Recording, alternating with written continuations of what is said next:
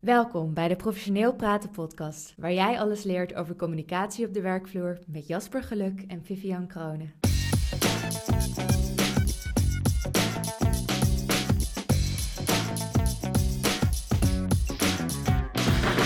Welkom bij de podcast. Ik ben Vivianne Kronen en naast mij is Jasper Geluk. Hoi. In deze podcast behandelen we jouw vragen over professionele communicatie. Dit is deel 2 van de miniserie over de drie belangrijkste skills die je moet kunnen om beter te communiceren. Vorige keer hebben we het gehad over rapport. Ja. Wat is de tweede skill? De tweede skill is informeel leiderschap. En daar kun je weer een heleboel verschillende dingen over leren. En een boel dingen zijn ook lastig om via een podcast duidelijk te maken. Omdat een heleboel dingen bijvoorbeeld ook met lichaamstaal te maken hebben. En dat kun je het beste zien. Eh, zeg maar, het is makkelijker om lichaamstaal te zien dan wanneer ik het aan het Mhm. beschrijven ben. Maar om je een idee te geven van wat informeel leiderschap is. Je hebt formeel leiderschap en informeel leiderschap. Formeel leiderschap, dat is je titel. Eh, dus dat is bijvoorbeeld iemand die CEO is. Dat is zeg maar jouw plek in het organogram van je bedrijf. Manager, directeur. Ja, manager, directeur, Ja. teamleider. Mhm. Voor mensen die de televisieserie The Office kennen. Het gaat over het standaard kantoorleven zeg maar, van, van mensen. En eh, daarin heb je echt zo'n typische kerel die, dan, die is dan teamleader, zeg maar. Mhm. Dat is dan zijn functie. Mhm. En dat betekent echt niks. Dus misschien in jouw bedrijf dat teamleader wel ergens op slaat. Maar binnen dat bedrijf is teamleader echt een, een functie die zeg maar gewoon nergens op slaat. Mhm. En die probeert op iedere manier maar uit te buiten dat hij het label teamleader heeft gekregen. Weet je wel? Dat hij gaat van, ja, maar ik ben wel de teamleader. Ja. En, eh, en omdat hij helemaal machtsgeil is, zeg maar. Omdat hij dan de titel teamleader heeft. Terwijl niemand naar hem luistert. Ehm, dus dat is, eh, als, je het, eh, als je zin hebt om dat te kijken, misschien ken je het al, ga dat dan nog eens kijken, The Office. Dat is je, je formele eh, leiderschap, is zeg maar. Dus wat, wat is jouw, jouw titel die je hebt? Mhm. Nou, in, in, trouwens, tegelijkertijd, als je toch die, die serie zou kennen, The Office, heb je ook daar de directeur. Die is ook dus teamleader, maar die is totaal niet in control over de mensen in dat kantoor. Mhm. Ehm, en eh, hij denkt dat hij een beetje het vriendje is van iedereen, terwijl eigenlijk niemand hem echt mag en zo. En het is, het is bijna een beetje pijnlijk, dat is die Britse Hmm. humor. Maar het is super grappig om, eh, om te kijken, want je herkent waarschijnlijk heel veel uit je, uit je eigen kantoorervaringen. Eh, maar aan de ene kant heb je dus het, je formeel leiderschap. Waar sta je in het organogram? Ben Mhm. jij officieel in charge over die vijf mensen? Of dat, dat idee. Nou, de andere kant is informeel leiderschap. En dat zeggen we ook wel eens, dat is wie is er echt de baas? Mhm. Ehm, eh, en dat, dat, dan kijk je meer niet zozeer naar wat er, wat er staat of wat, eh, wat de woorden zijn, maar meer naar wat gebeurt er nu eigenlijk. En als je kijkt naar wat er echt gebeurt, dan kijk je bijvoorbeeld naar wie bepaalt er nu echt wat er gebeurt. Wie bepaalt er wanneer er een meeting begint of dat een meeting eindigt. Mhm. Eh, wie bepaalt er dat het tijd is om even koffie te gaan halen. Wie is degene die bepaalt wie de koffie gaat halen? Mhm. Dat heb je eh, vaak in bedrijven als er dan een stagiair is, die moet dan, eh, die moet dan tijd koffie halen voor iedereen, weet je wel. Ehm, maar wie bepaalt dat dan? Dat het tijd is voor de stagiair om weer koffie te gaan halen? Jij herkent dit? Nou? Je ik moet even echt- denken aan een blooper die zit hier echt met een big smile op haar op hoofd. Ja, ik heb ooit een keer Is dit een sadistische lach omdat jij ooit een keer een stagiair hebt gehad? Eh, Nee, ja, ik heb heel veel stagiaires eh, begeleid. Maar ehm, nee, eh, kijk, eh, in mijn functie als managementassistent was het heel normaal dat ik voor koffie zorgde. Maar het was een van de Uh-huh. dingen waar ik echt het meeste hekel aan had. Dat ik op een gegeven moment zei ik dat ook tegen kreeg. Ik, zo, ik heb zo'n hekel aan koffie halen. En Uh-huh. toen stond die manager daar net waar ik koffie voor moest halen. Dus dat was een enorme blooper. Uh-oh. Nou, dat was heel grappig. Ja, ja. Nu moet ik er heel hard om lachen. Maar toen, eh, Nee, toen, toen niet. Dat kan ik me toen dacht ik, voorstellen. oh. Hé, hey, wat wil je te drinken? Ja, dat kan ik voor je halen. Nou, doe maar thee dan. ja. Oh, dan is het goed. Nee, maar, dat, dat, eh, maar, maar nou ja, dat, dat is op zich wel interessant. Van, want dan herken je dat van, van wie is er nu echt in charge. En zeker in een situatie wat je zegt als managementassistent bijvoorbeeld. Wat ik heel vaak zie, in, eh, in, zeker in wat grotere bedrijven, is dat bijvoorbeeld de personal assistant of de managementassistent eigenlijk de baas is. En het verschilt een beetje per, per, eh, per bedrijf. En in sommige be- bedrijven, misschien ke- herken je dit, dat je soms heb je in een team heb je iemand die heel dominant is, die niet echt de baas is. En dan bedoel ik niet irritant dominant, want dan zijn ze niet altijd informeel volledig op een fijne manier de baas. Ook al sturen ze wel veel. Maar mensen die zeg maar een soort natuurlijk charisma hebben. Mhm. Dat die gewoon gevolgd worden. Als iemand zegt, hé, misschien is dat een goed idee. Dat mensen het ineens gaan doen, weet Mhm. je wel. Dat zijn de effecten die het heeft als je informeel leiderschap hebt. Maar eh, her- herken je dat, zeg maar? Dat, dat, dat, eh, omdat ik ben wel benieuwd naar jouw Mhm. ervaring als managementassistent. Ja. herken je hoe dat, hoe dat werkt? Dus dat je een directeur kan hebben die eigenlijk gewoon alleen maar naar jou luistert. Of Hij misschien zei het zelfs van- letterlijk. Hij zei, ja, ik heb eigenlijk maar één baas, dat ben jij. Ja, Ja, dus want hoe, kan je daar een voorbeeld van geven? In wat voor soort voorbeeld deed hij dan gewoon precies wat jij zei? nou, we hadden iedere ochtend eh, hadden we van half tien tot tien overleg. En dan eh, had ik een agenda met wat we gingen doorspreken. Dus ik Ja. leidde dat gesprek ook door. Dus Ja. dat is al één voorbeeld. Ja. En ehm nou ja, agenda is natuurlijk een heel... Nou, ja, het is, het, is, het is wel een goed voorbeeld eigenlijk wat je geeft. En, en misschien als je hier naar luistert, is dit belangrijker dan je misschien denkt. Wie bepaalt er wanneer welk agendapunt Hm. komt? Ja, als jij een half uur lang, als je dan zo'n eh, zo'n bila met hem, met Mhm. hem had, als je dat half uur lang jij degene bent die zegt, oké, laten we nog even naar dit punt Mhm. kijken. ja. En wat vind je hiervan? Wat waarschijnlijk dus aan Ja, de hand was dan. Ja. Ehm, ben jij informeel mega de baas Mhm. op dat moment? En ik kan me heel goed voorstellen, weet je, het ligt eraan welk bedrijf en welke directeur. Maar dat zo'n directeur misschien eigenlijk in alle andere meetings Mhm. eh, de informele baas is. Mhm. Nou, die hele dynamiek van wie is er informeel de baas, heeft een gigantisch effect op hoe effectief jij bent in communiceren. Omdat als jij informeel de baas bent in een gesprek, Mhm. is de kans dat mensen doen wat jij zegt heel veel groter. Als jij namelijk, eh, dat is een beetje het gevolg van de baas zijn of een volger zijn, Mhm. is als je eh, namelijk aan het volgen bent, dan eh, volgens de, de oerprincipes van leiden en volgen, Mhm. doe je gewoon wat je gezegd wordt. En dat is natuurlijk overdreven, hè? In, de, in de echte wereld is het iets genuanceerder. Maar daar komt het basically op neer. Dat als, als jij aan het volgen bent, dan heb je minder impact op de richting van een gesprek, op de inhoud of iemand iets doet met je idee. Terwijl als jij informeel de baas bent, is de kans veel groter dat iemand accepteert wat je zegt, het aanneemt en er ook echt iets mee gaat doen.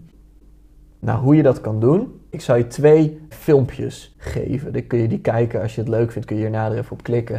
Ik zal zorgen dat je hier onder deze podcast kun je het linkje zien naar, eh, naar het filmpje. En anders kun je hem zelf ook even op YouTube eh, opzoeken. Maar het ene filmpje is een filmpje van BBC. Eh, nou, die ken je, ik heb hem waarschijnlijk al een paar keer aan je, aan je, aan je gestuurd. Als het leuk is om te kijken. Ehm, dat is van de Human Planet. Een ehm, Afrikaanse bevolkingsstam. Die een ja. hele... het Ja. kwartje valt eindelijk. Ja, Oh, ik, ja. ik had al vermoeden, maar dit is echt een heel... Ik vond het echt een bijzonder filmpje. Ja, dat is het ook. Ja. Het is echt heel vet. En het gaat precies hierover. Dus, dus kijk het filmpje. En eh, dit is dus een stam in Afrika, een bevolkingsstam. En die, ehm, die eh, eh, regelen hun eten op, via een heel oud ritueel... wat ze al, ik weet niet hoe lang, doen. Mhm. Ze zijn een van de laatste stammen die het nog zo doen. En het is voor het eerst in beeld gebracht. Eh, en wat zij namelijk doen, is zij jagen niet zelf... maar zij stelen van leeuwen. Mhm. Nou, als je dat voorstelt, ik zal je het filmpje sturen, dus kijk vooral ook het filmpje, maar ik zal je heel even de korte, korte versie geven. Ze volgen een groep van 15 leeuwen, volgen ze rond totdat ze een zo'n bisonachtig beest wat daar leeft, zeg maar, Mhm. aan het ja- jagen zijn en neergehaald hebben. Nou, dan kun je je voorstellen, er ligt dus zo'n bisonachtig ding en, en daar zitten 15 hongerige leeuwen omheen die aan het vechten zijn om wie er als eerst mag eten. Als je namelijk te lang wacht met vlees, dan wordt het niet goed meer. Dus ze Mhm. moeten het meteen nadat die keel gemaakt is, moeten ze het gaan stelen. Ja. Dus het beest ligt daar, 15 hongerige leeuwen die met elkaar aan het vechten zijn daaromheen. En drie van die kleine Afrikaantjes, het is zo'n stam met van die hele kleine, Mhm. kleine mannetjes. Gewoon in een simpel kleedje, ze hebben allemaal een pijl en boogje op hun, op hun schouder, zeg maar. Dat is het enige waarmee ze daar rondlopen. Zitten in de bosjes en op een gegeven moment kiezen ze, oké, nu is het moment. En echt net nadat die keel gemaakt is. Dan staan ze met z'n drieën rustig op en beginnen heel kordaat, niet snel, maar kordaat zeg maar. Dus gewoon in een rustige, stevige pas richting die leeuwen te lopen. Met z'n drieën. En dan hoor je de stem eh, zeg maar eroverheen zeggen van... En het is zo belangrijk dat ze geen enkel moment van twijfel hebben nu. Dat ze rechtdoor blijven lopen en geen twijfel laten zien. En je ziet ze op die leeuwen aflopen. En het vette is, je ziet, maar kijk dit filmpje dus. Je ziet die leeuwen zeg maar zo eerst zo kijken en zich er niks van aantrekken. Dan komen ze dichterbij en dan kijken er een paar leeuwen en denken ze... Huh, wat fuck, wat, wat, wat, wat is dit? En dan gaan ze toch weer... Ja, het is, echt- en je ziet het in die ogen hè, van die Ja. leeuwen. Het is zo vet. En dan op een gegeven moment zie je dus een paar leeuwen die zo kijken en, en in de war raken van... Huh, waarom zijn die, die drie dieren of mensen die daar aankomen lopen niet bang voor ons? Mhm. En dan zie je op een gegeven moment in die ogen van die leeuw een soort van dat kwartje vallen van shit, als zij niet bang zijn voor ons, dan moeten wij waarschijnlijk bang zijn voor hun. En dat is zo vet, want dat is puur psychologie, zeg maar. Maar Ja, tussen, duidelijk. zeg maar, zonder woorden. Gewoon Mhm. puur met lichaamstaal. En, en, en zodra dat kwartje valt bij de leeuw, dan beginnen ze ineens in schrik te raken. En dan beginnen ze weg, weg te rennen en weg te lopen. En langzamerhand beginnen die leeuwen, zeg maar, iedere leeuw die dat ziet en die ziet elka- zien ze elkaar wegrennen, zeg maar. Mhm. Dat versterkt het alleen maar. Gaan ze, oh shit, oh shit. En, en dan beginnen die leeuwen. En op, op het laatste heb je nog maar één leeuw die echt zo verward kijkt. Waar is de rest gebleven? En ziet die drie eh, mannetjes, zeg maar, dichterbij komen. En die eh, slaat dan ook op de vlucht. En de, de key vervolgens is, dat zegt die stem dan eroverheen ook, van ze moeten nu zeg maar, ze hebben volgens mij dan maar eh, een, een paar minuten of zo Mhm. om, om zeg maar wat vlees te, te stelen. En de key is dat ze rustig blijven. Dus dat ze dan niet ineens gaan rennen en panieken. Mhm. Want dan denken die leeuwen van, hé, hey, wacht eens even. Ehm, We worden gewoon belazerd. ja. En, eh, en plus dat ze dus en dat, dat, dat, dat ze dan een keer komen testen of het wel klopt of niet. Dus dat Ja. heb je na die paar minuten, dan komen ze een keer testen. En dat zeg maar als een leeuw komt testen of je sterker bent, is niet, niet handig. Nee, lijkt Ehm, niet. Nee, dus, dus daar willen ze voor. Dat willen ze voor zijn. Dus ze hebben een paar minuten voordat dat testmoment komt. En eh, dan snijden ze heel snel een paar van die stukken af. Doen ze over hun schouder. En dan is dus, moeten ze heel rustig weer weglopen. Mhm. Ook niet rennen, want dan worden ze achtervolgd. En dan komen langzamerhand, en dan zie je die leeuw zo'n beetje verward kijken van wat, wat de fuck is hier nou gebeurd? En het is zo vet omdat het laat zien wat, hoe krachtig lichaamstaal is. Mhm. Als jij door je stevig en, en te vertrouwen zeg maar, in je lichaamstaal kunt laten zien, een groep van 15 hongerige leeuwen die net een kill heeft gemaakt kunt afschrikken, eh, moet je nagaan hoe jij dit kunt gebruiken om dat gesprek met je baas te hebben. of met die collega, of met die klant. eh, om informeel de baas te zijn. Nou, dan moet je niet overkill doen, dat je ineens jezelf eh, als een gorilla op je borst gaat slaan of zo. dat is misschien dan, dat, is- ja, Ja. dat is misschien too much. Ja, dat dacht ik al. Nee, dat is misschien Ja. too much. Dus je moet, dat, je moet dat wel in een balans doen dat, je het, dat het oké is. Maar, maar het is maar even een, een manier om te zien hoe krachtig lichaamstaal is. Dus, ehm, en trouwens, intonatie gebruik je ook, maar dat, dat is in deze, deze, dit filmpje zie je dat dan wat minder. Eh, dus ik, ik, ik, ik wens je toe om dit filmpje even te kijken. Het is zo vet om even te, te zien. Ehm, het tweede wat, wat leuk is als je, als je hiermee bezig wil, van oh ik wil graag informeel eh, leiderschap leren, kun je een trainingsvideo kijken. Ik zei dat vorige, vorige podcast die over rapport ging ook over een trainingsvideo over rapport maken.